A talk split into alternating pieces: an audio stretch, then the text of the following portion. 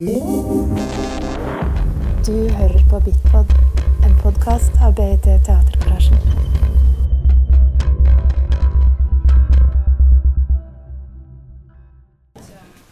Welcome, everybody, to this uh, seminar, Art as for Force, Art as Force, um, Situationism and Popular Art. Um, on behalf of uh, and BT Teatergarasjen, um, I'm very, very happy to see all of you here. And I want to thank Kode and uh, the University of Bergen for doing this together with us. Uh, it's a seminar that we uh, correct us if you think that we are wrong, but uh, we believe it's the first time in the Nordic context that uh, we're talking about situationism uh, in light of performing arts. Uh, for us, as a performing arts institution, it becomes more and more pertinent to talk about this. we will also be showing a lot of performing arts within Kode 2 uh, during the festival next year and for a couple of years to come.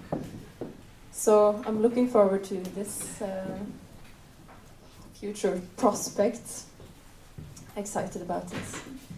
So now I'm going to give the word to Ine Therese Berg, which is going to be the moderator of today. Uh, practical information is that toilets are out there. Um, you can leave and come back when you want. Um, we are recording the sound, so if you want to make some uh, very provocative statements, be aware. um, and just ask me or anyone else of, from, from Teatergarasjen if you have any practical questions. I think that's it. Mm -hmm. Yeah. Thank you, Caroline. Uh, I'm very happy to be back in Bergen uh, and to moderate this very first seminar on situationism in the Nordic performing arts. Uh, I find that situationism is a reference that is almost ubiquitous. It's everywhere in certain parts of theatre and art theory, as well as contemporary performance practice. Yet, many of the references to situationism is based on less than a rigorous readings of the Debord and lacking knowledge of the actual historic practices. In this respect, this seminar offers a further education and an opportunity to see both historical as well as contemporary performance practice in new light. With us these two days, we have a long list of authorities in the field, which makes my job easy. I just have to be an authority on keeping the time.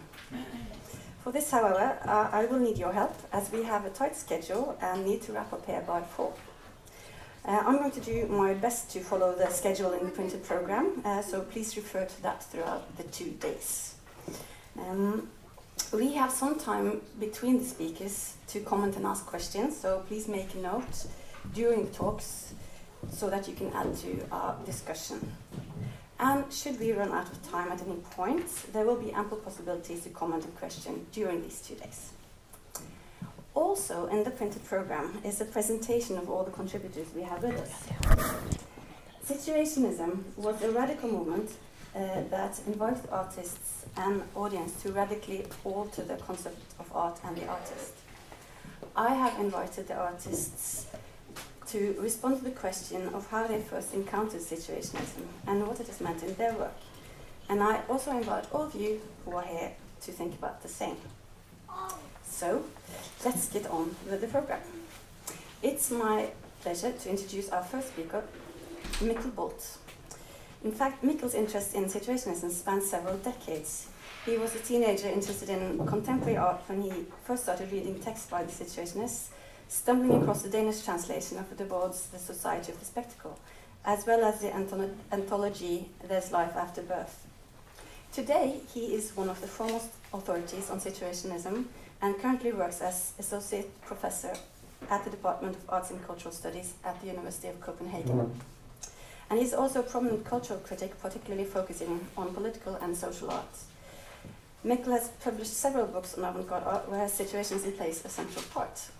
And the title of his talk is The Situationist Internationals, The Realization of Art. Welcome, Mick.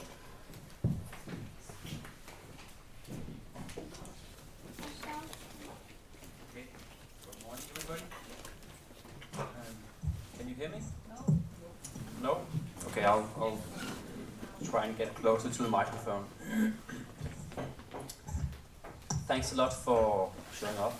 Thanks a lot for the invitation um, and the occasion to to discuss uh, and talk about um, the Situationist International uh, in the in the plural, uh, as I've indicated uh, in the title of my talk. Um, I'll get right to it. Uh, we only have half an hour each, so uh, so I've, I've I've made a slide presentation and and uh, written a, um, a statement, a presentation, which is supposed to uh, present a kind of like a, a broad overview of of what I consider to be some of the most important aspects of, of the Situationist International. The Situationist International is a complex affair that includes a series of publications, the creation, split, and dissolution of an organization, as well as a series of concepts, analyses, and practices within the fields of urbanism, mass media, political economy, revolutionary strategy, the working class movement, and art and film. These subjects were not to be separated, but treated as part of a totality addressed by the group, theoretically and practically. The Situationist project was characterized by its refusal of both the established art world and all reformist political organizations. The Situationists attacked the naive belief in art, as well as the naive belief in politics, as the illusionary means of emancipation from the society of the spectacle. The task was to supersede art, supersede art as a separate sphere of society, supersede art, but also supersede politics, state, and legislation. In that sense, the last thing the Situationists wanted was to end their days in a museum of art or as a topic for a seminar and a dance festival. It's customary to divide the existence of the Situationist organization into two phases.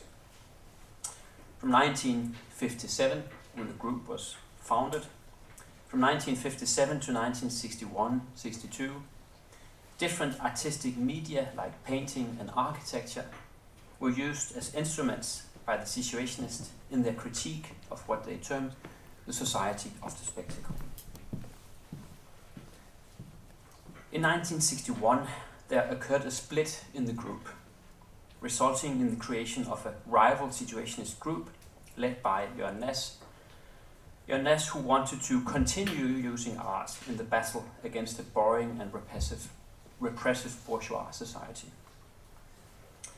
This was no longer a possibility. The other faction, centered around Debord, argued, therefore, trying to replace artistic experiments with the development of a theory about post war capitalist society, or replacing artistic experiments uh, with the development of a revolutionary theory practice. From 1962, the so called First Situationist International thus focused on analyzing what they theorized as the society of the spectacle. According to the Situationists, the dominance of capital was being perfected through the general commodification of fetuses in the production and consumption of material and symbolic goods, all of which were representations or images. The society of the spectacle disseminated appearances through a symbolic, production apparatus of gigantic proportions. In this process, where society was no longer justified by reference to anything beyond it, capitalism was engaged in a sweeping attempt to empty society of all associations and community with the object of consolidating the overproduction and consumption of commodities. This development was followed by a parallel attempt in which the state, as a loyal associate of capital, rapidly involved itself in the day to day instrumental instrumentation of consumer obedience. Capitalism tried to prevent the realization of the new revolutionary possibilities by creating a mirror image in which the division of society was concealed by false representations. The result of this process was the society of the spectacle, the spectacular market society, where people passively contemplated a world beyond their intervention.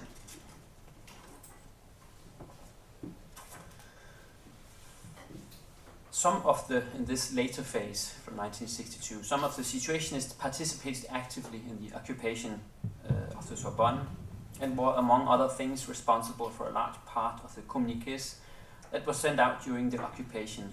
Uh, after May 68, the situationists argued that time or history was itself producing revolutionaries and that it was thus no longer necessary with a formal organization. There's no longer any need for an avant-garde. In 1972, the group was officially dissolved by Guy Debord and Gianfranco Sanguinetti. So we have these two, two phases. One first phase from 1957 to 1960, 61, 62, and the later phase from, from 1961, uh, 62 onwards.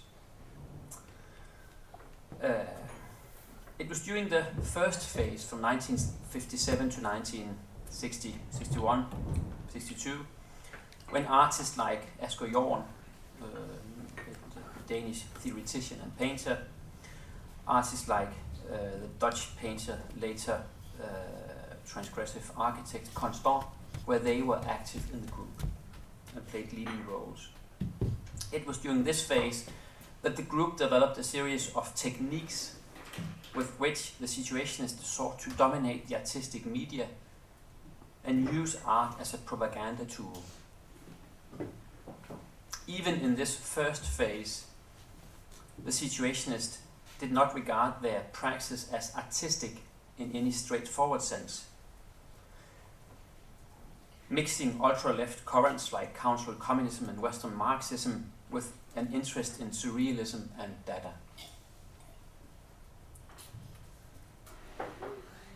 We take our stand on the other side of culture, not before it, but after it.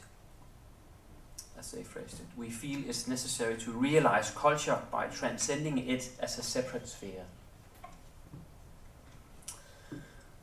Following the almost invisible project of the Lettrist International which took place far away from the institution of art and the political scene throughout the early 1950s, the Situationist project was initiated as an attempt to create a revolutionary avant garde that could coordinate the struggle against capital.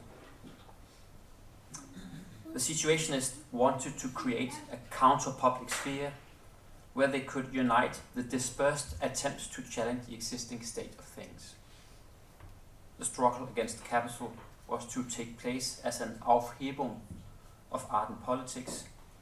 These separate spheres, art as well as politics, were to be superseded by a total revolutionary activity. Art thus formed a part of the Situationist project, but only insofar as art was realized in everyday life. Art was never a goal in itself the creation of works of art to be displayed in galleries or museums was counter to the interest of the Situationists. Revolutionary art took place beyond the institution of art and beyond the separation of artist and spectator, thereby overcoming the cultural division of labor, according to which some people are creative, while most people are mere spectators. Instead of showing people how to live, the point was to make people live. During discussions in the group in 1960 and 1961, there emerged two opposed conceptions of the way to deal with art.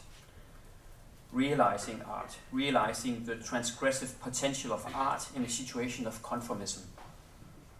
A majority headed by Guy Debord argued that art was in fact dead and that it was no longer possible to continue producing individual works of art. Instead, it was necessary to engage in what they described as an art of war, where they sought to develop an all inclusive critique of the new forms of domination coming into being in the booming post war economies in Europe. During the conference in Gothenburg in 1961, Raoul Vaneigem had set forth the complex situationist stance on art, arguing that traditional modern art was no longer possible as a, criti- as a critical gesture. Only insofar as the entirety of society was reconstructed could separate art be renewed, becoming a kind of post artistic explosion that united theory and practice. Under capitalist rule, art could at best be a reified expression of a previous radical gesture. In other words, modern art had come to an end. With the defeat of the proletarian uprising in the early 1920s, the conditions of possibility of modern art had disappeared. And art had since been capable only of consolidating ruling taste. The situationists were free to create critical, personal, non situationist artifacts, Vaneigem said. But it was important that these artifacts were not regarded as situationist art. There was no situationist art. A small minority in the group objected, among them Nash uh, and Gruppe Spur uh, from Germany. They argued that it was precisely in art that the situationists were able to articulate a critique of present society, and that it was in the art milieu that the situationists had made important advances establishing contacts with experimental artists across Europe. Nash and Gruppe Spur were skeptical of the way in which Vaneigem embedded situationist theory in Marxism, referring to the proletariat as a potential class of consciousness and as the revolutionary subject in waiting. According to Nash and Spur, the proletariat had become integrated into the new welfare society and had thus lost its historical agency. It was through art, the last vestige of freedom, that the Situationist project could be set in motion and ultimately realized, they argued. In retrospect, it's evident that both factions actually wished to realize art. But they, but they differed when it came to the means and the analysis of the necessary preconditions for this project. The group that gathered around Debord and Vaneigem argued that it was necessary to negate art, as it was just another expression of how the capitalist mode of production separated proletarians from each other and rendered them passive. The dissenting artists also sought to realize art, but did not understand why it would be necessary to revive a Hegelian Marxist vocabulary concerning the proletariat. According to them, art was still the, was still the most important resource. The artists were also critical of the institutionalization and commercialization of art in post war Europe, but they did not wish to relinquish the creativity of the artist. Art was, was thus not dead in their view. Instead of basing their sense of revolutionary possibilities on the ability of the proletariat to revolt, the artist wished to realize art in the here and now, transforming audience members into active participants as Jørgen Nash put it, the essential in situationism is the relationship of human beings to the forces of creativity. it's the intention to realize these forces, the forces of creativity, through moments of creativity. The situationist idea is based on the use and the forces of creativity directly in the social environment. End of quote. Nash, Gruppe Spur, uh, and the artists that gathered around uh, Nash after the split, they thus insisted on a free use of artistic means of expression and new modes of symbolic production. The new modes of symbolic productions that were becoming available at this time. So their argument was that the revolution will begin in art, with the artist. Artists should seize power and take over the means of symbolic production, realizing art and thereby liberating the aesthetic energy with which humans were equipped. In other words, everybody should become an artist. When the dissenting artists left the group or were expelled in 1962, Nash established the Second Situationist International, or the Drakabygget movement, uh, or the Scandinavian Situationist movement.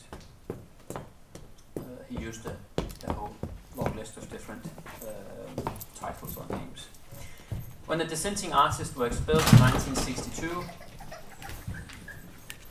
Nash uh, established the Second Situationist International and carried through a staggering amount of provocations in the art institution and outside the art institution, trying to set free as much creativity as possible.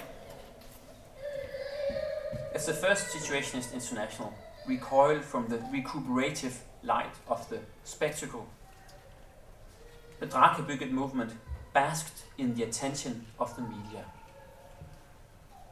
The bigger the scandal, the better. The media was the battlefield, and instead of trying to escape and become agents of purity, like Debord, the Scandinavian situationists sought to work the media, being faster than the media and creating media scandals with a view to causing scandals that would, that was the hope, get people to react. Nash and Thorsen often worked together with journalists from Danish and Swedish newspapers in order to get attention and cause a stir.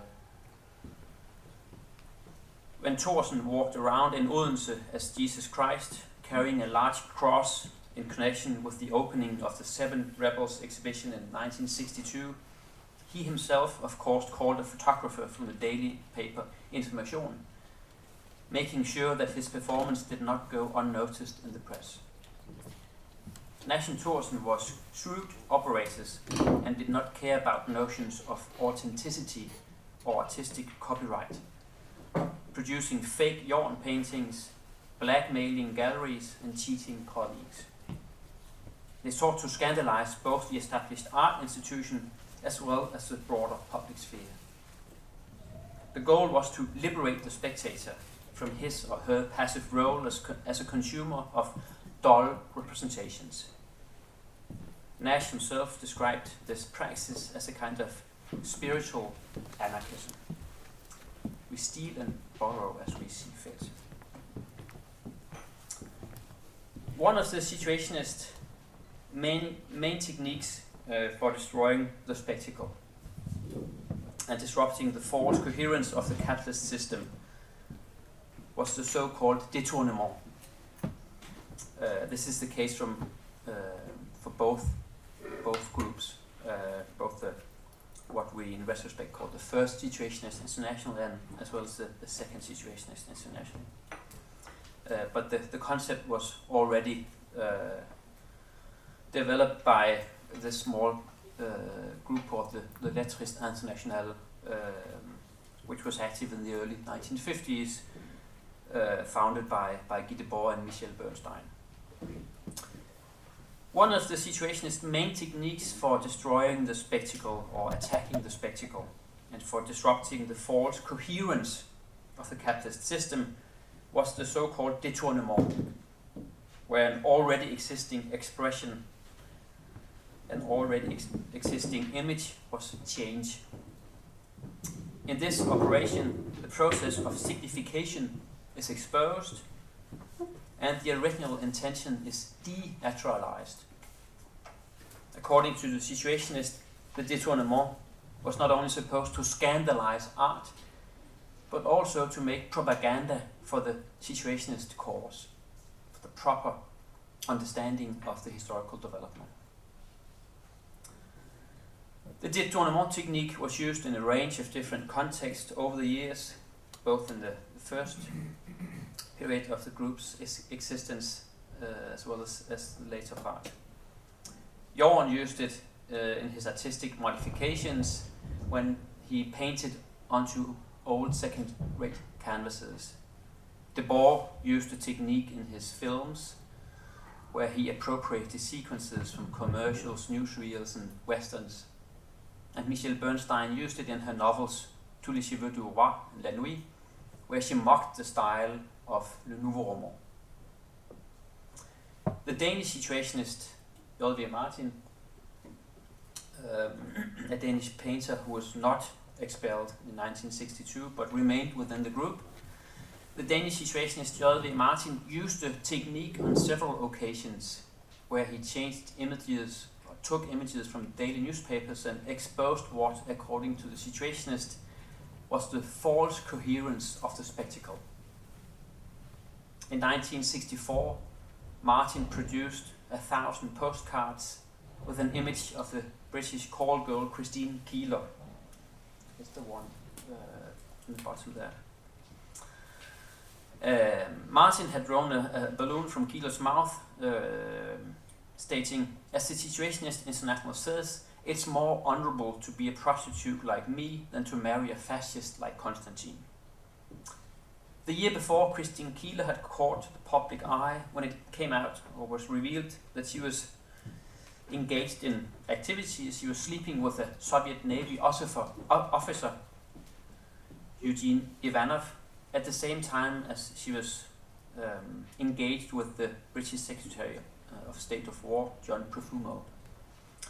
Profumo lied about the affair and was subsequently forced to resign.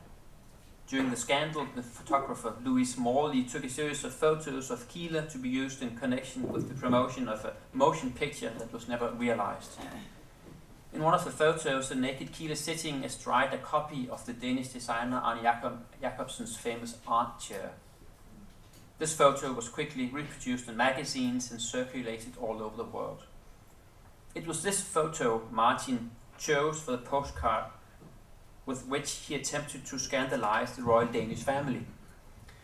The juxtaposition of a naked Keeler, the Jacobsen chair, and the text bubble in which the recently celebrated marriage between the Danish princess Anne Marie and the Greek king Constantine was invoked, and left little doubt as to the situationist attitudes towards the polit- political situation in Greece. Constantine being a fascist. The British government, the Greek, and the Danish monarchy were, according to Martin, all part of a crypto fascist world whose days were numbered. Beneath the make up Keeler was a corpse. The bad reproduction of the postcard just underlined this aspect. It was a matter of time. Along with the rest of this world, she was doomed. The Danish monarchy and the British government were going down all these sparkling representations were going to be torn aside by the destructive movement of the revolution. That was at least the hope. In the years after 1961 62, when most of the artists were expelled from the group, from this first Situationist International, the détournement technique was very rarely used in connection with the traditional media of art. Instead, it was in the streets that the situationists tried to put the technique to use. These activities culminated in 1968, in May 68, in Paris, where several situationists took part in the occupation of the Sorbonne. Barricades were built and the police were met with Molotov cocktails and bricks. cars were set on fire, shops were robbed, and the walls of the city were covered with slogans and graffiti. For the Situationist, this was the right or the proper use of the détournement technique. A different use of the city, city suddenly became visible, challenging capitalism's organization of the environment. The fight against the spectacle had to take place here and now, outside art, or as a realization of art in everyday life. The spectacular market economy and its shining, depotentiated representations had to be smashed. One of the aspects that distinguish the Situationist from both contemporary and later politicized artistic practices was the belief that capitalism was doomed. In accordance with their reliance of a, on a council communist or Hegelian Marxist reading of capital, they were sure that capitalism could not overcome its contradictions.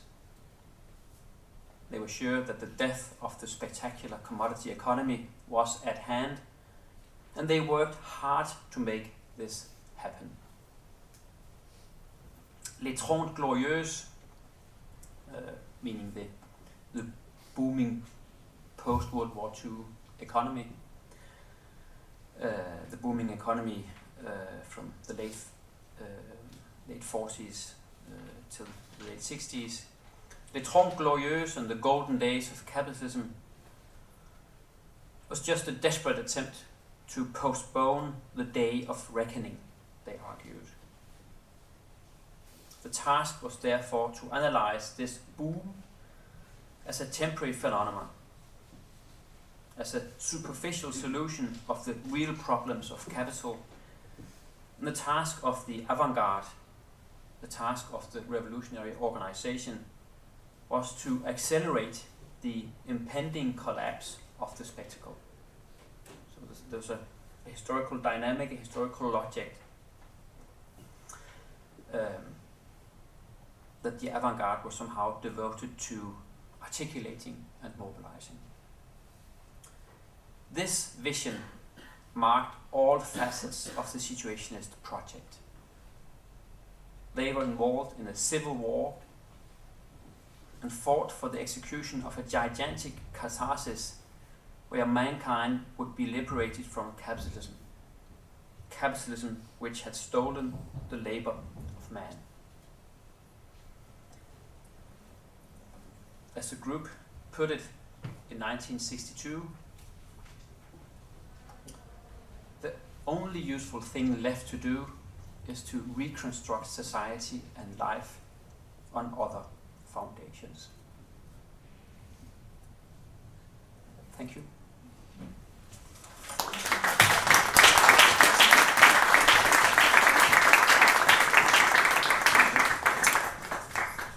All right, thank you so much, Mr. Um, we now have time for some questions. Is anyone ready? Just give me a signal, and there's a microphone here. Uh, well, if not, I would like uh, to ask you a question. I mean, it's obvious that uh, uh, those uh, goals maybe are not imminent uh, in realization. However, um, the the notion of art as a vestige of freedom um, is, at least how I see it, maybe the prime legitimation of art today, uh, particularly uh, social and political art, uh, but maybe in, in general as well. Maybe could you say something about that? Sure. Uh, but that, I mean, in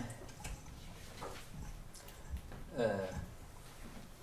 that goes to the very kind of like the, very definition or essence of of, of modern art, of course, and, and the project of, of the avant garde uh, that um, as a as a um, as a separate phenomenon as art in the modern sense. Um, art contains um, a kind of tr- transgressive potential.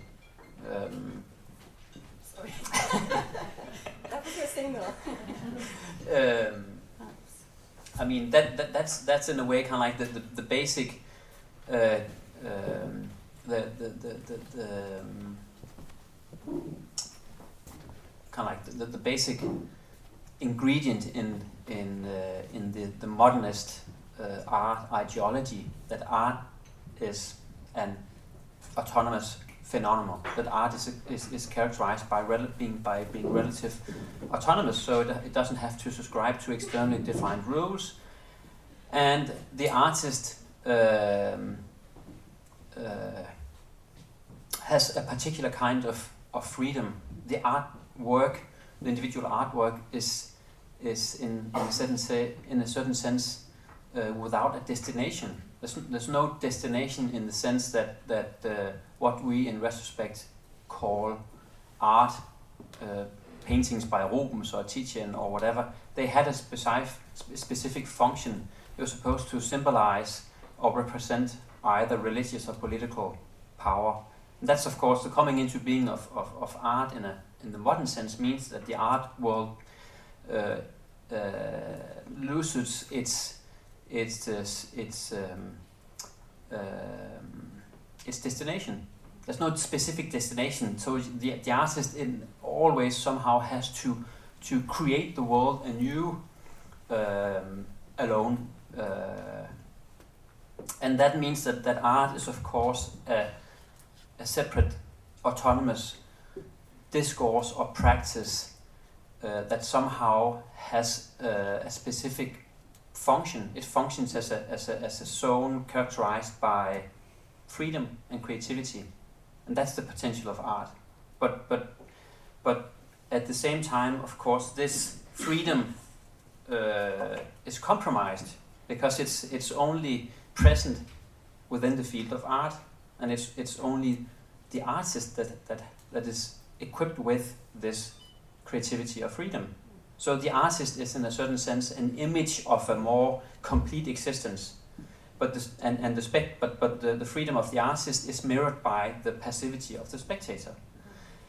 And, of, and, and that's of course why modern art and especially uh, the more politicized um artistic practices and especially uh, especially the avant-garde um, engaged in a series of paradoxical, transgressive, self-critical activities where they uh, in, in different ways tries to realize or set free the freedom of the artist. Um, so we get this paradoxical self understanding where art uh, contains a transgressive potential, but only insofar as art is no longer art. Um, so it's, a, it's the, the, the freedom of, of, of the artist is a compromised freedom and that's that's of course that's kind of like that's the background for the avant-garde and that's the background for institutional critique in, in, in contemporary art.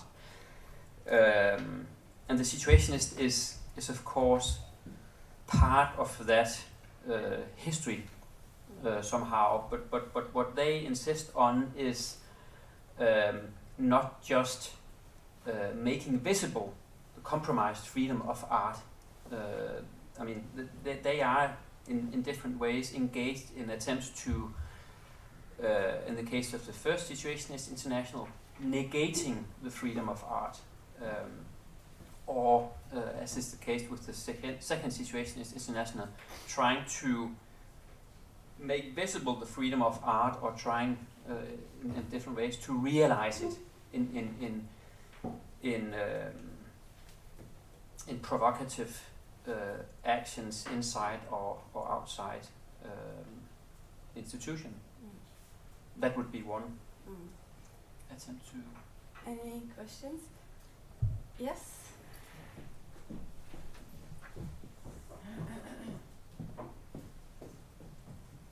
Uh, yeah, thank you. Uh, so I have a question about uh, this, the, the first and the second uh, international situationist group uh, because there seems to be very strong positions about uh, um, who is the real situationist, and especially the second, of course. And I was Mm. I was just at uh, Haus der Kulturen der Welt in Berlin and saw this exhibition, the most uh, uh, the most dangerous game, Mm. and met the curators, and they did not at all recognize this second movement. Mm. Um, so this one seems to be quite a strong, some strong positions even today about this the history of situationism. Can you Yeah. shortly elaborate perhaps about about that? Yeah, no, that that's um, that's for sure true. That that um, within the, uh, the the French and Anglo-American reception of the situationist project um, in art, um, uh, the first situationist internationals, the Guy Debord faction, uh, have proven proven themselves to be extremely successful, um, and um,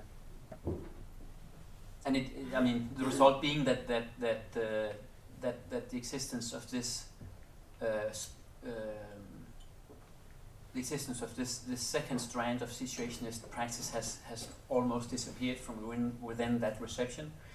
Uh, that's of course, I mean, it's the historiographical problem, um, and um, in many ways, I think the the most important discussions uh, probably has to do with with the discussions has to do with the discussions about art and and, and, and, the question of the realization of art that took place in, in these years 1960 61 62 um, and and I think uh, and I think it, it, it's it's important to, to recognize and of course also also historize and, and, and analyze uh, the activities um, that took place in the, the Draka Bygget movement, um, which were which was a um, uh, a much less.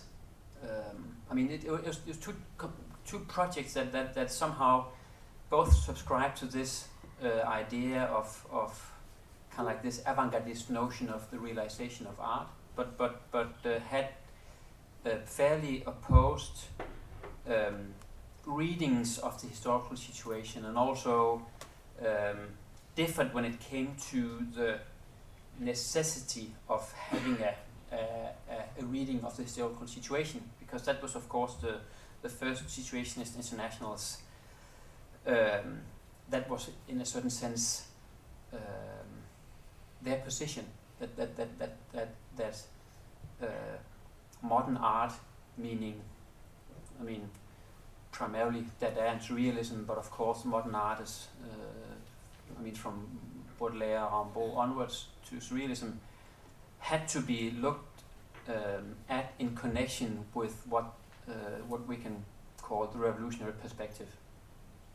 So it was a flawed reading uh, to, to, to look at, at, at modern art as um, uh, on its own.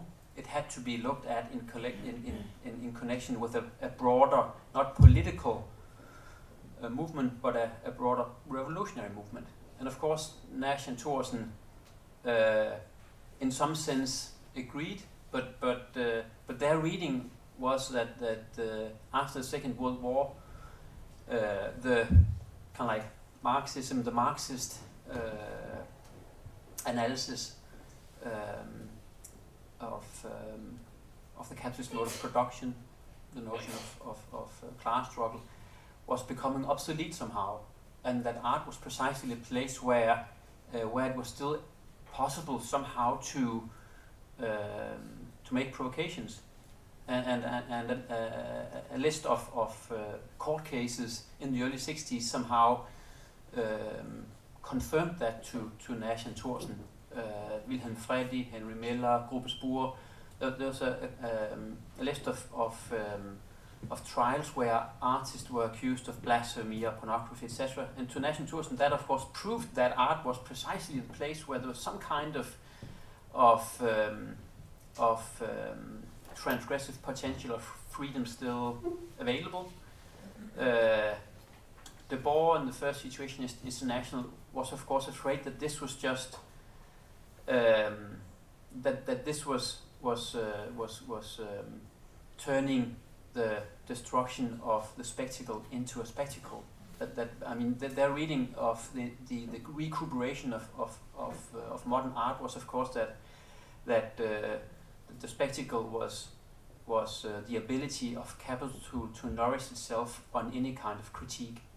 And that's why they had to withdraw from the art world, but also had to withdraw from any kind of established, established political milieu. So it, it's one of the problems we often have when we talk about the situationist and talk about the situationist in an art context is that we often tend to talk about the situationist project as what they were engaged in was um, different attempts to politicize art. But within the framework of the situationist projects, that, that's actually not a very accurate description because they, they, they very explicitly try to articulate a critique of the uh, subdivisions of capitalist modernity, art being one, but politics being another. And that's, that's why uh, they, they had to engage in this uh, really big, all-inclusive uh, analysis and, and, critique of, of, uh, of, of, capitalist society and could not just um, um, could, could not risk ending up as artist or in the art institution, but somehow had to to uh, to work on urbanism, mass media, uh, kind of like all aspects of, of everyday life in a certain sense. Um, but um, yeah, no, but but to come back to the most dangerous game, it's true. It's it's uh, I think it's a it's uh, it's a shame and it's also a problem because kind of like the last part of the exhibition, which is this Gashford collection of paintings, primarily by members from Groupe Spur, exactly. which, which were expelled in, in, in 1962, uh, and, and the social is somehow supposed to be organized around May 68. So that, that's kind of that's that's kind of strange. And then there's paintings by Martin, and Martin is super interesting because he was, I mean, it's it's almost an accident that he remained a member of the Situationist project. He's so similar to to Nash, but Debord and the Situationist in Paris they had to have some, a, represent, a representative in Scandinavia because all, all of the artists had, had become expelled. And they were like really furious because Na Nash was presenting him himself, of, of course, as the, the, the true situationist. So they had to make a, a, a rival situationist organization uh, in, in, in, in Denmark and in Scandinavia. But, but, but in, in 1972, uh, when Debord dissolved the group, there were just three members remaining, Sanguinetti, Debord, and Martin. And, and Martin actually disagreed, but, but there's some there's a funny uh, there's letters from from Debord trying to kind of like um, explain to Martin why it's necessary to dissolve the group, and, and Martin doesn't doesn't agree, uh, and immediately after the group is is um, is dissolved, he gets into contact with, with Thorsen and Nash and just continues whatever whatever he's doing. Uh, so um, so th- there's a there's, there's, there's a lot of of, uh, of of interesting and paradoxical and, and, and funny um, of like uh, develop developments uh, and and uh, and problems that, that, that often somehow disappears if if uh, if if if the second situationist international is kind of like left to the side.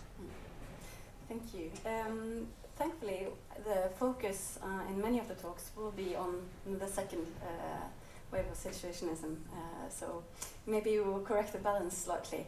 Uh, thank you very much, Mikkel Bolt. Um, I would encourage you uh, to read uh, Mikkel's writing, which is also maybe um, uh, very critical uh, towards many of these radical and political artistic movements, uh, more than you maybe gave attention to today. Um, um, and then next speaker um, is Um, let me see, just uh, turn my page here. Uh, our next speaker is André Eiermann, uh, who is currently uh, a lecturer at the University of Agder, as well as a freelance dramaturg. Incidentally, working on projects that I think are very relevant to link to the work we will be covering today in the way they address the audience.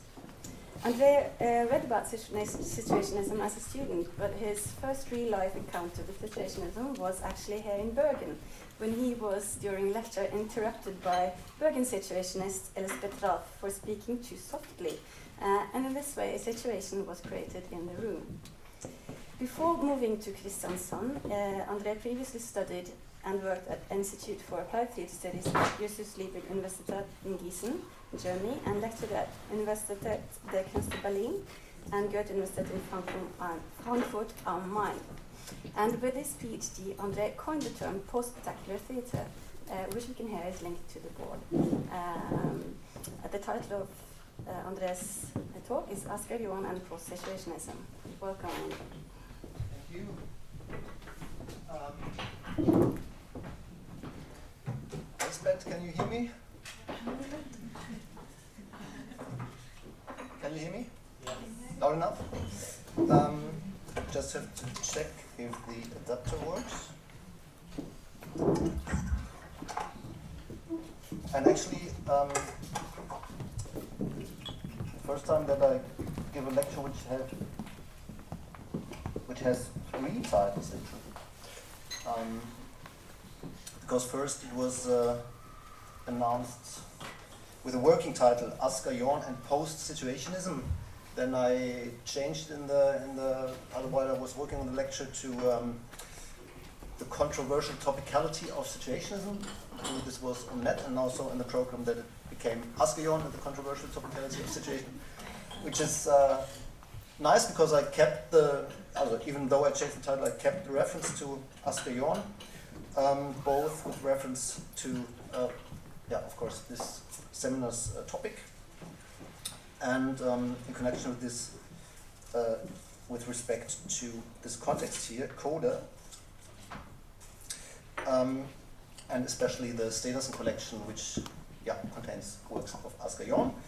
Um, but before I talk about this topicality of situationism, also, this means I will talk about the question um, whether or as to whether, also whether and as if, or if so, as to whether a situation still has force today, a contemporary force, force in contemporary art. Um, but before I talk about this, I would like to um, refer to a quite topical matter in the city I come from, Kristiansand.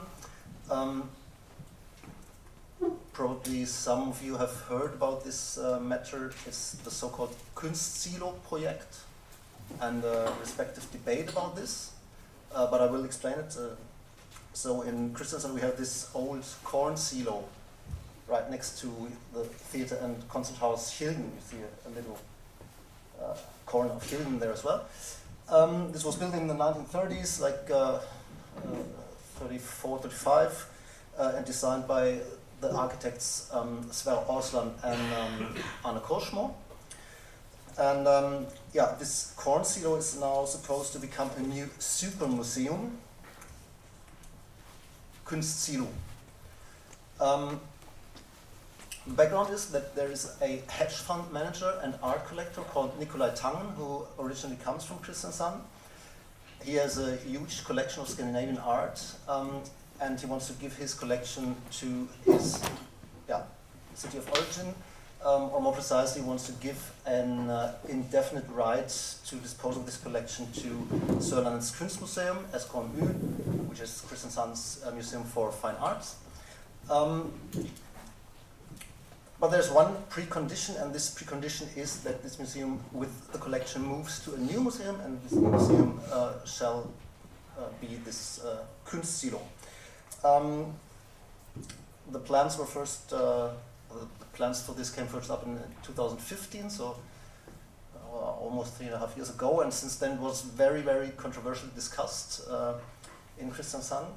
And um, now, right now, in the beginning of October, it was decided finally that this Kunstsilo uh, will be built and that it will become reality. Um, and yeah, the building process will start uh, already in, in next spring. Um, and now everybody thinks, okay, what, what does this have to do with uh, this seminar?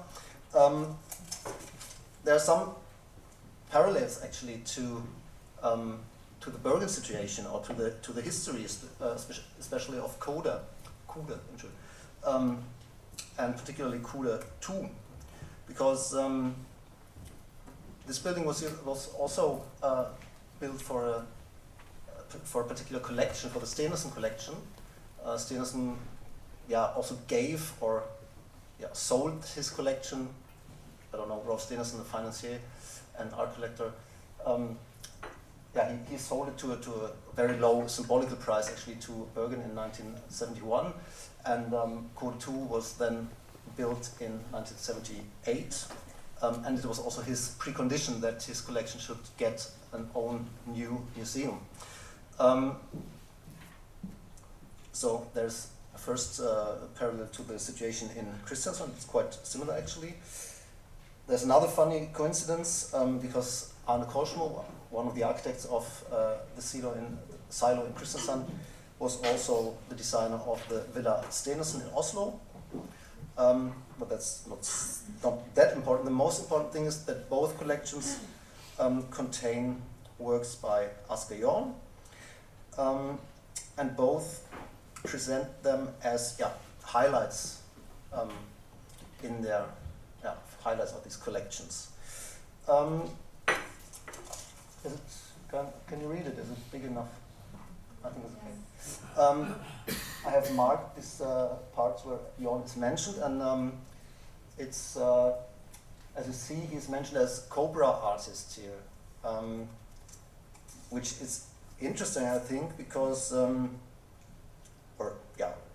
interesting uh, that is not mentioning that he was a situationist. Um, I mean, one can say, yeah, maybe uh, Cobra was the most important phase in, in Jorn's work. These are information texts, uh, you can't mention anything there. Um, so, okay. But um, it's especially interesting when we look at one um, picture which is part of, uh, of the Tangen collection. This one here, L'abominable homme de neige. Uh, sorry, Dine, Dine, my French is not the best, um, from 1959. This is um, interesting because this picture in particular is also presented on the on the net as uh, a picture by on, but mentioning also only his uh, Cobra membership, not his situation, uh, not his membership in the Situationist International, but Cobra uh, existed only until 1951, that's from 1984 to 1951.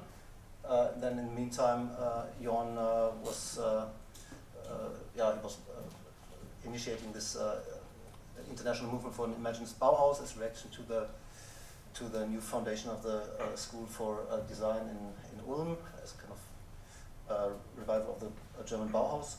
And yeah, 19 59 is a year where he was a member of the Situationist International, so we have uh, actually a situ Situationist painting here, but uh, yeah, there's, uh, this is not mentioned. And um, so it's interesting to, to, to think about, okay, why is this not mentioned? And uh, Mikkel Bolt has uh, already said, yeah, it's actually already the, the fact to exhibit uh, Situationist uh, works in museums is, of course, a kind of contradiction to what they uh, originally intended.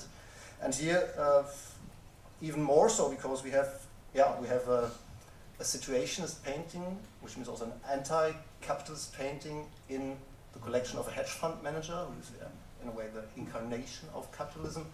Um, and we have, uh, a, yeah, an, an anti-spectacular painting in Norway's most spectacular museum, that's what uh, this Kunstsilo is supposed to become. Um, so yeah, it's a, uh, it's it's quite uh, tempting to say yeah this that uh, situation is, is not mentioned in these texts is a kind of yeah way of avoiding a kind of uh, contradictory oh that's that's a bit strange to uh, exhibit um, situationist art like this Um, but I have to search a, little, a bit where, where I am. Um,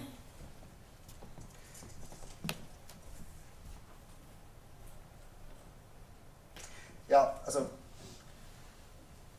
and I think it's very interesting to, to ask what this actually means with regard to the question, yeah, whether situationism still has a force uh, today or not, whether it's still relevant in a um, contemporary way. I mean, the first impulse is to say, yeah, okay, um, situationism is, of course, historically re relevant. Um, it had uh, a strong influence on the arts since the 1950s, 60s. Um, but yeah, it's it's it's a kind of uh, failed or or uh, it's it's over. The time of situationism is is history. It's we can now look at it as a part of uh, modernism's art history. Um,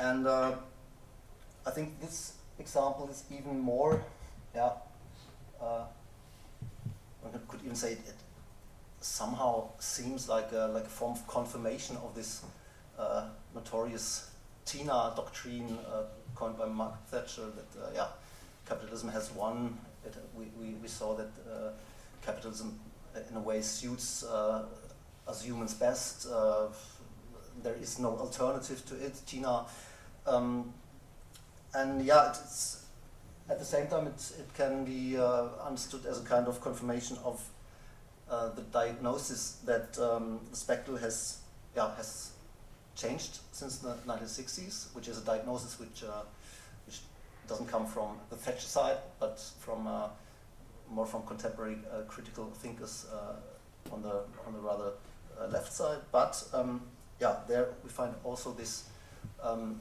dia diagnosis that uh, the spectacle has changed, that the, Michael, you mentioned the, the recuperation uh, was successful, that, that, uh, yeah, that situationism is completely absorbed, appropriated, co-opted by um, new forms of, uh, of uh, yeah, new forms of the spectacle. Um, and it's interesting because yeah, the, the theory of the recuperation and the, or the, you could say maybe the, the, the interplay and dialectics of détournement on the one hand, the, um, the appropriation of existing uh, images, and the, the, the recuperation as a kind of, actually, the, in a way, the same um, move from the, from the other side, from the opposing side. Um, this is, of course, uh, already um, thought in these two terms, détournement, um, recuperation, and it was also explicitly described by Debord himself in 1988 when he wrote his commentaries on the Society of the Spectacle, where he um, wrote this.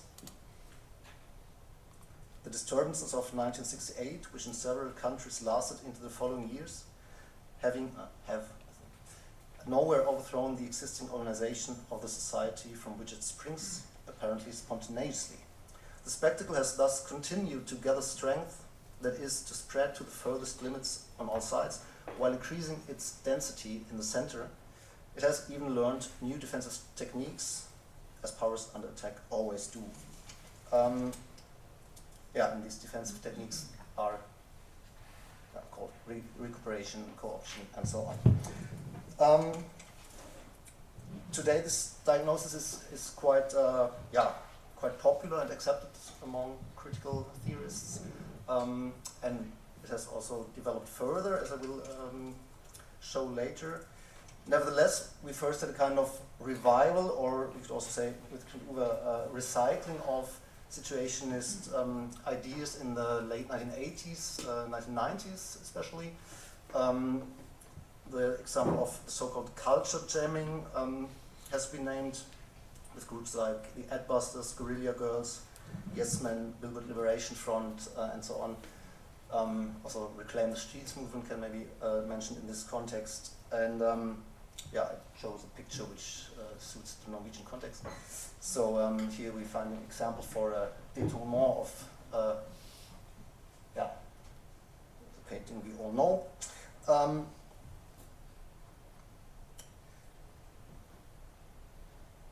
So this on the on the artistic side, so to say, on the theoretical side, but of course, linked to the um, artistic side because it's a curator, which uh, who, who, I will mention now. Um, it, it's Nicolas Bourriaud, who was very influential with his book uh, Esthétique relationnelle, Relational Aesthetics from 1998, um, where he describes uh, participatory uh, art forms uh, of the 90s, like uh, which focus on social interaction instead of uh, focusing on art objects. And um, he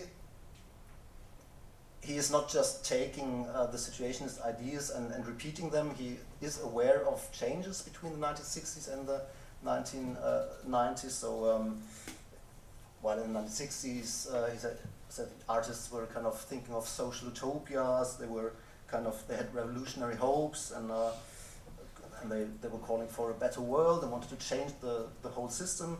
Um, he says, yeah, in the 1990s we have more like kind of uh, um, yeah, artists more work on kind of everyday micro utopias, as he calls it. Uh, imitative uh, strategies are applied, um, and uh, instead of uh, perspective in the future, they have a kind of real time um, and uh, intentionally fragmentary experimental way to deal with uh, social situations. Um, yeah, but on the bottom line, his relational aesthetics are actually um, as he calls it, an update of situationism um, with some adjustments, uh, but uh, he's actually he stands in this tradition.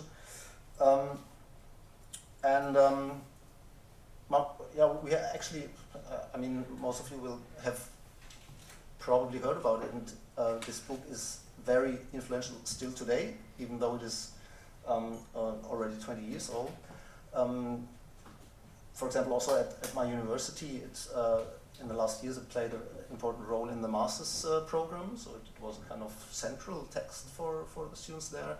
Um, we also have uh, several colleagues which uh, based their research on, on this book, or, um, or yeah, we, we also have um, text of the situations actually in, in, in workshops. Uh, so this is, uh, when I came there, I, I thought, wow, okay, well, maybe it's also connected to the uh, Norwegian translation of the book um, some years ago. But um, it's also important to say if, if one refers to this book, to refer to the critique of this book, with, uh, which was quite, um, yeah, quite yeah, harsh, but, harsh, but it was a very uh, clear critique, um, especially by Claire Bishop uh, in her text Antagonism and Relation Aesthetics from 2004.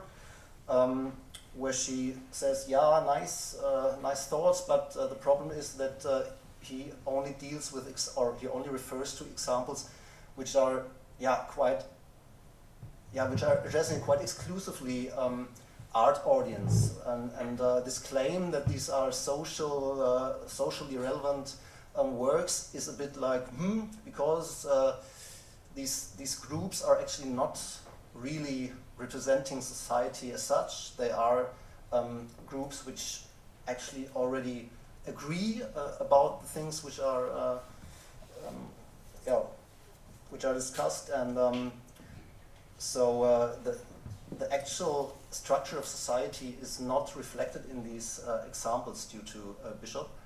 Um, and uh, not only is it not reflected, for social antagonisms. Uh, uh, according to her, society can only exist as a kind of yeah a way to, of dealing with antagonisms, with uh, divisions, with um, different opinions.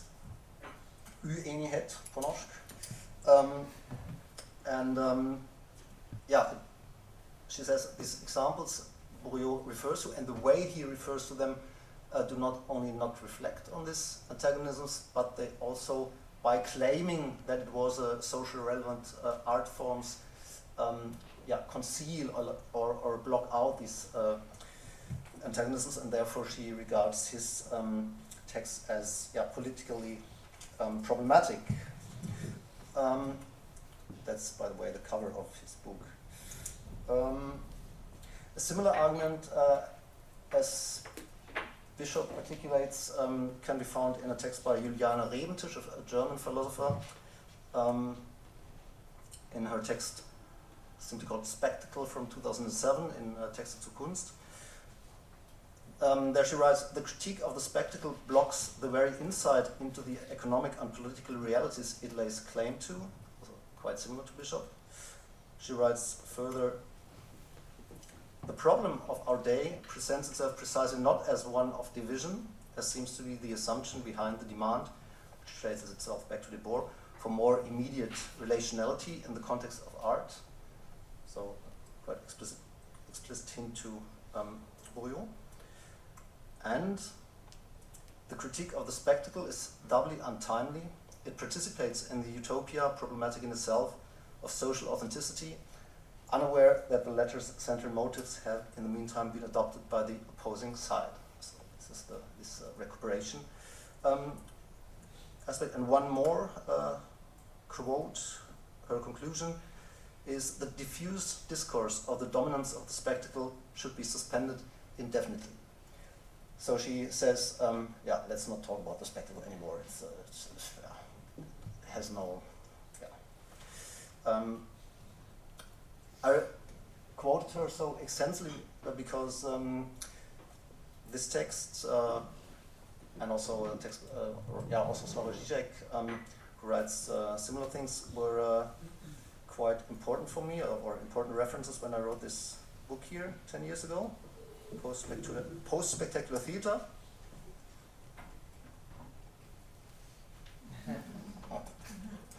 and um, yeah, so this this uh, di diagnosis which we find in in Rebentisch's and also Žižek's texts um, was kind of the basis for, uh, or, yeah, a basic reference at least uh, for what I made, what I did there. Um, because what I did was to, yeah, to describe forms of contemporary performing arts um, which deal or reflect on exactly um, these changed conditions um, of society. Um, other these changed condi conditions which uh, describes when she says that uh, the utopia of social authenticity has been adopted by the opposing side.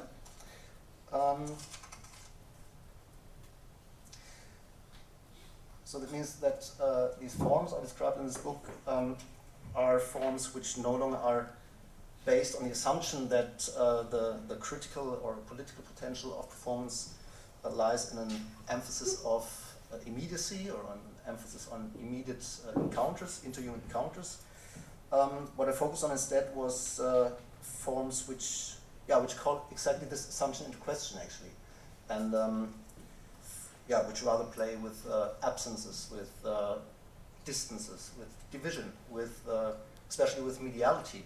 I think um, uh, your, your piece uh, Blanks is uh, a nice example for this, which I saw yesterday. So that, wait, wow, could have used it as, a, as an example in the book. Um, fine. No, I um, yeah, but one, one last thing, maybe with regard to Rebentisch, also, um, as this title already uh, implies, um, I'm not agreeing with her that, uh, that we should not talk about the spectacle anymore. I think the term spectacle has still a kind of yeah, force, uh, a theoretical force, um, and a relevance, and is uh, useful as an, as an analytical ter term, um, provided that the changes of the spectacle and the transformation of the spectacle are analyzed uh, properly and uh, taken into consideration. And um, yeah, this uh, term post-spectacular is actually a, a, consequence of this uh, yeah, taking into consideration in which way the spectacle has changed. Um, and that's also means, of course, that a post-spectacular theater is not a theater after the spectacle, but it is uh, this yeah, forms of performing arts which uh, refer to and, and, reflect on the changed conditions of the spectacle. Also, um, which yeah. Um,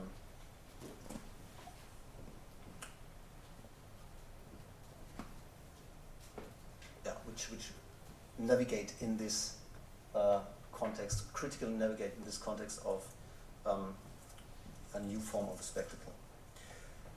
Um, yeah, but as I said 10 years ago, um, so I have thought a bit further since then. And um, for this lecture, I, I thought about I should mention that uh, I actually not only think that the term spectacle is still useful, I also think that um, some or the central situation, actually the central situation uh, techniques and strategies and methods um, can can actually still have critical potential. Um, but this, I think, depends very much on both the way. I think we can't say it in general that uh, détournement is critical per se. I think it depends very much on the way and on the context uh, these these strategies are applied. Um, but I would say, yeah, I think we can we can find examples also in the festival and also in the program of BIT where we can say, um, for example, uh, that détournement um, unfolds quite a, um, a clear force. Uh, for example, Your Majesties of uh, Naridas Deutinger. Oh, do I have to come to that? Okay, so there we have a détournement of, uh, of uh, Obama's uh, Nobel Prize uh, speech, or Princess now in the festival, also a détournement of, uh, of uh, Snow White movies, Disney Snow White movies. Um, okay, now I have to hurry up. Um, what comes next? Yeah, this is I say one thing to, uh, to, to uh, with regard to, to Bourriaud. I think even in Bourriaud's book there's an, an interesting. Um, ah, I jumped over this. Yeah, an interesting point, namely the the um, notion of the interstice um, as as a space in human relations which uh, fits more or less harmoniously and openly into the overall system. So he understands this as uh, yeah a free area, a time spans um, where uh, yeah where the, the, normal forms of uh, interacting in what he calls communi communication zones uh, can be contrasted by alternative um, ways of seeing, understanding them, or using them, or um, um, yeah. And I think that this project here by Heine Avdal and Yukiko Shinozaki um, borrowed landscapes from 2011, which was shown here. Um, in Oktoberdans Festival in 2012 is a very good example for um, for such an interstice. I think the the, um, the important thing here is that different to the uh, or different from the examples Bourriaud uh, uses, it's not only directed to um, an exclusive group of audience because it's actually directed to two uh, audience groups. It's taking place in uh, supermarkets um, during the, the opening hours. So there are there's one audience which comes and pays to see the show wearing uh, headphones and there is another audience consisting of the people who just go shopping there and see these things happening and these created situations uh, occurring in the supermarket. And um, different so i think on one hand this opens the situation up. Um, yeah, it's not only an exclusive group and at, this, at the same time it's not only about yeah, experiencing immediate interhuman uh, encounters, but it's actually an experience of divisions of one group which doesn't know what the other what the other groups group do and so on. Um, so I would say this is an example where, where we can use the term interstice in, in a way which uh, goes beyond this uh, limits of uh, Bourriaud's relation, relation aesthetic. Um, in another piece, Carry On, I was involved in as a dramaturg, um, which we also did here in Bergen in uh, 2016, and uh, now again in, in Kristiansand um, last September. Um, it's also uh, a piece which, uh, to a certain degree, opens up because it's a tour uh, principle. So uh, the, the audience is guided through buildings, it's a site specific work, and the audience is not only guided through the building but also often around the building, so it can happen that um, passers-by witness the performance and um, that uh, um, that we also have, in fact, two audiences, one who is coming to see the show and the other who is uh, just coincidentally uh, witnessing it. And in this uh, case, we also have another um, situationist uh, strategy which, uh, which is of importance, namely, namely the dérive, um, also the, the, the, the, a way of kind of exploring a city or an, an area in other ways than it is meant to, to, to function or to be used. And um, of course, it's a, as I said, it's a guided tool, so it's a bit different from the situationist uh, thought of what a dérive uh, should be.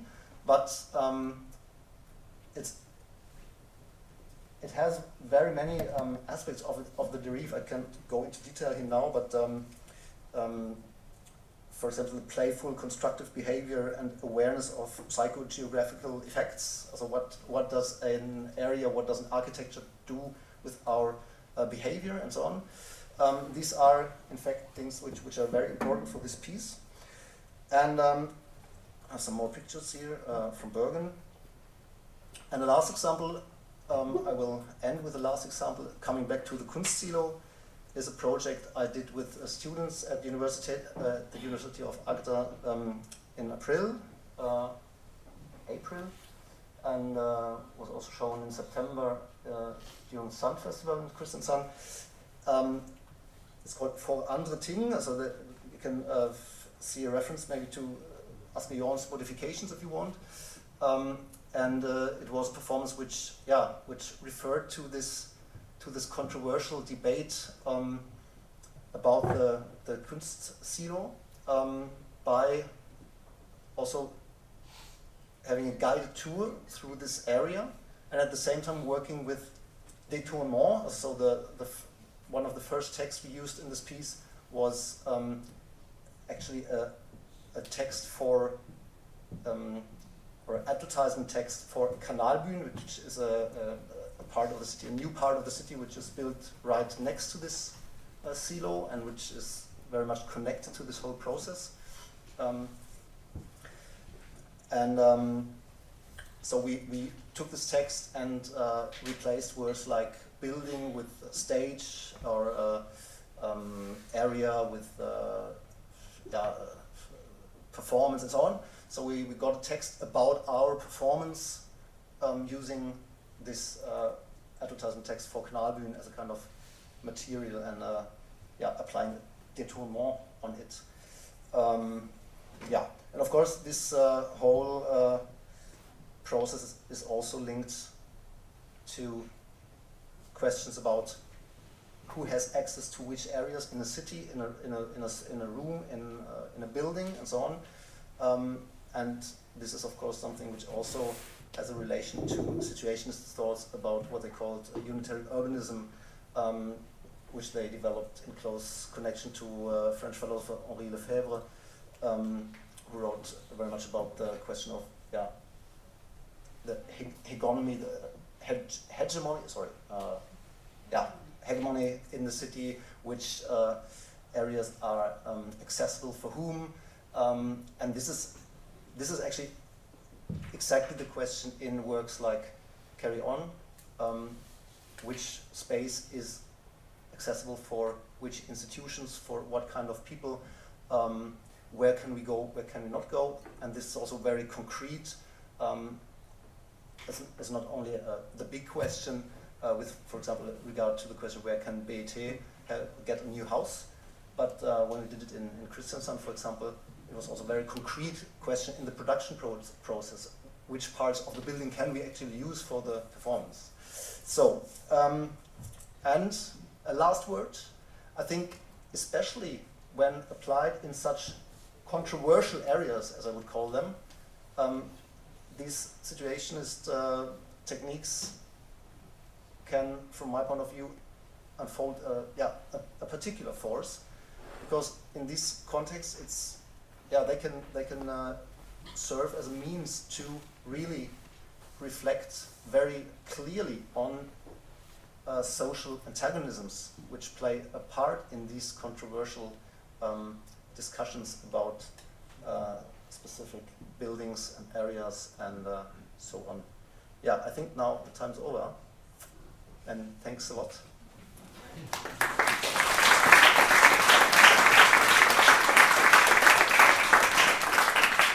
Thank you very much, Andre. Um, I'd like to uh, make a comment. Um, uh, you started and you ended up uh, in a way in the institution, and I think one of the main differences uh, from the 50s and 60s and 70s and to today is kind of the, the grand institution building that has gone on the last uh, 50 years. Um, and, uh, and how this kind of challenges uh, the basics of uh, the situationist ideas. Um, um, and uh, I think uh, Claire Bishop's critique of uh, the relational aesthetics points towards this problem because uh, Bourriaud is very much his foundation for relational aesthetics and his examples, like you pointed out, are very much based on in the institution. Uh, and here we are in the institution talking about situationism.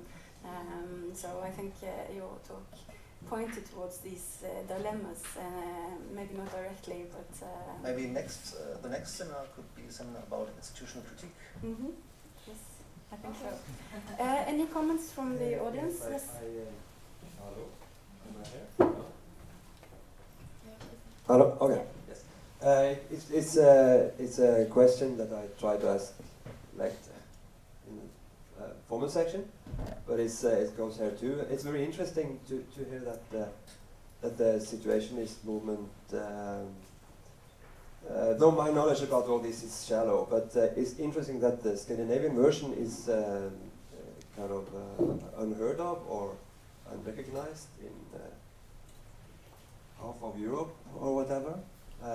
But I would wanted to ask, like, uh, Debord withdrew from uh, from uh, creating art in order to not to enforce the spectacle. What did he do? What did he believe in then? Was this uh, disillusionment from this position?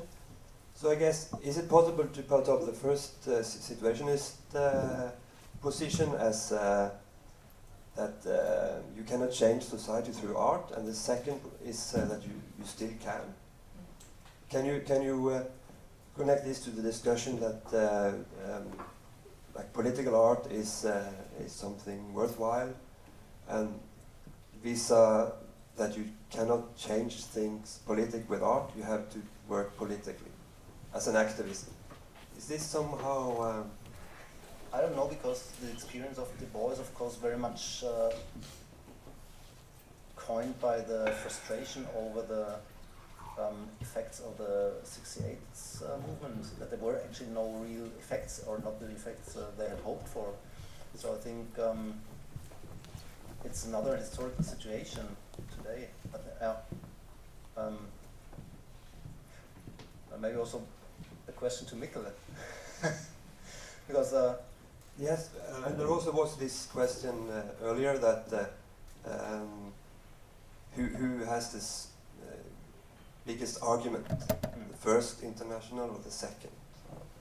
Yeah, I think that's that's uh, that's actually a discussion which is a bit stuck in, in modernism still, um, and uh, maybe there's also that's also one point where uh, Bourriaud is a, a bit right that it's no longer this question, okay, what kind of utopia is, is the right one, but more um, the question, okay, how can we, um, um, in specific situations, apply these techniques in order to, um, yeah, to, to maybe change a bit of it, and how can we, especially, um, I think the, the point is that uh, the, this dialectics between détournement and uh, récupération, they have actually become much more like, uh, yeah, they have kind of went down to the to a micro level in a way.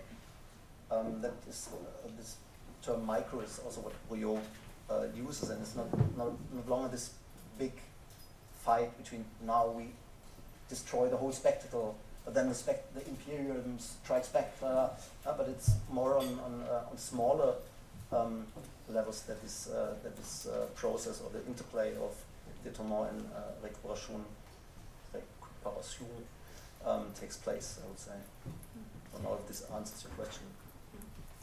We have another question. Now we, we are running out of time, but we will try to make room for two more questions. Uh, Kim Tove? Uh, we have a little bit of time. Please make it a bit. bit short. Yes. Mm. Well, thank you, Andre, for your lecture. And uh, it's in- interesting that you managed to uh, explain how uh, the notion of psychogeography also it was a part of the situationist movement. Uh, additionally to a word like détournement. I think it's necessary to explain détournement a little bit because not everybody knows French so well. Uh, détourner, it means to turn something, to, to, to make something different from something which we also saw exemplified in the, in the Martin uh, images by, by that Mikkel showed. Uh, so détourner, to deturn in English. Deturning, but English is consisting mostly of French, so it's very easy if you know French. So I will uh, recommend you learning French first of all. Well, that was the part. Uh, Too late. uh, so, uh, and, uh, and the, psychogeographic movement was probably the, the part of the situationist movement that was uh, mostly appropriated in the Anglo-Saxon world, especially in England. In London was a center for uh, psychogeography. And then you might ask, what is psychogeography? Well, psychogeography is when you uh, uh, relate the, the space to the mental situation of someone. Uh, and it's related to the word that Benjamin, Walter Benjamin was very preoccupied with, uh, which is also a French word, le flaneur, the flaneur, uh, flaneur, which we use in Norwegian, which is uh, French loan model, the flaneur, who is walking around in the city and discovering it by, by using some kind of estrangement, estrangement means like walking in a special way or walking according to a sketch or and you can find in the situationist movement, I think in this exhibition in Berlin there must be many examples of uh, of the of the of the sketches or, or maps, psychogeographical maps of a city, or, or a, which can then all then be transferred to a psychogeographic map of a situation. Uh, so then I would like to touch upon this uh, historiographical problem that uh, you uh, described it so nicely as a historiographical problem. Uh, why is the second international movement, which we often speak about as the, the, the Scandinavian or Danish situationist movement. Well, we have to say Scandinavian since it partly happened in South Sweden, in Skåne, uh, Drakabygget. Uh, why, why isn't it uh, so much spoken about? Uh, uh, it's, uh, it's a kind of result, I think, of the fact that the uh, English language became the dominant language after the Situationist movement, and the Situationist movement contributed to making English the, the, the to, contributed to replacing uh, French with English, and then uh, it became very Anglo-American, and this this, this point of view does not include Scandinavia. It excludes Scandinavia. You have to know that. Uh, so. Uh, so what happened in the in the second international move, uh, excuse me, in the second situationist movement was that uh, that uh, they, th- it was a retaining of the art art as as we know from the from the action artistic movements by by the by Nash and, and, and Thorsen, uh, which also was transferred to Bergen with the, the work of Gruppe 66 uh, which we will speak, get back to later. Uh, and, and this uh, uh, resulted in the notion of co-ritus. And when RoseLee Goldberg, she is a kind of authoritative person when it comes to performance art and, and artistic movements in the 20th century. She's American, she published uh, uh, her book, uh, revised uh, every 10th year maybe, the history of performance art. Uh, and she was here in Bergen uh, three, four years ago, I think, at the Bergen Festival. Um, because she was running a festival in New York, and, and this was uh, the- works from her festival in New York was in, shown here in Bergen. Uh, Festspillene i Bergen. And I asked RoseLee Goldberg, do you know the word co-ritus? No, I've never heard about it. So uh, this is, I used to explain it as a kind of mainstream axis line east-west or west-east, New York, uh, Berlin, Moscow, via Paris. What is below and what is above this line is not heeded by, by the, uh, the criticism of the Anglo-Saxon world. It's only looking to Paris and Berlin and Moscow. It's not looking to Copenhagen or to, not even to Rome, not to speak about the Arctic. well, um, so, so this is uh, maybe a kind of a cliche-like expla uh, explanation, but, but, but I think we have to speak in terms like that.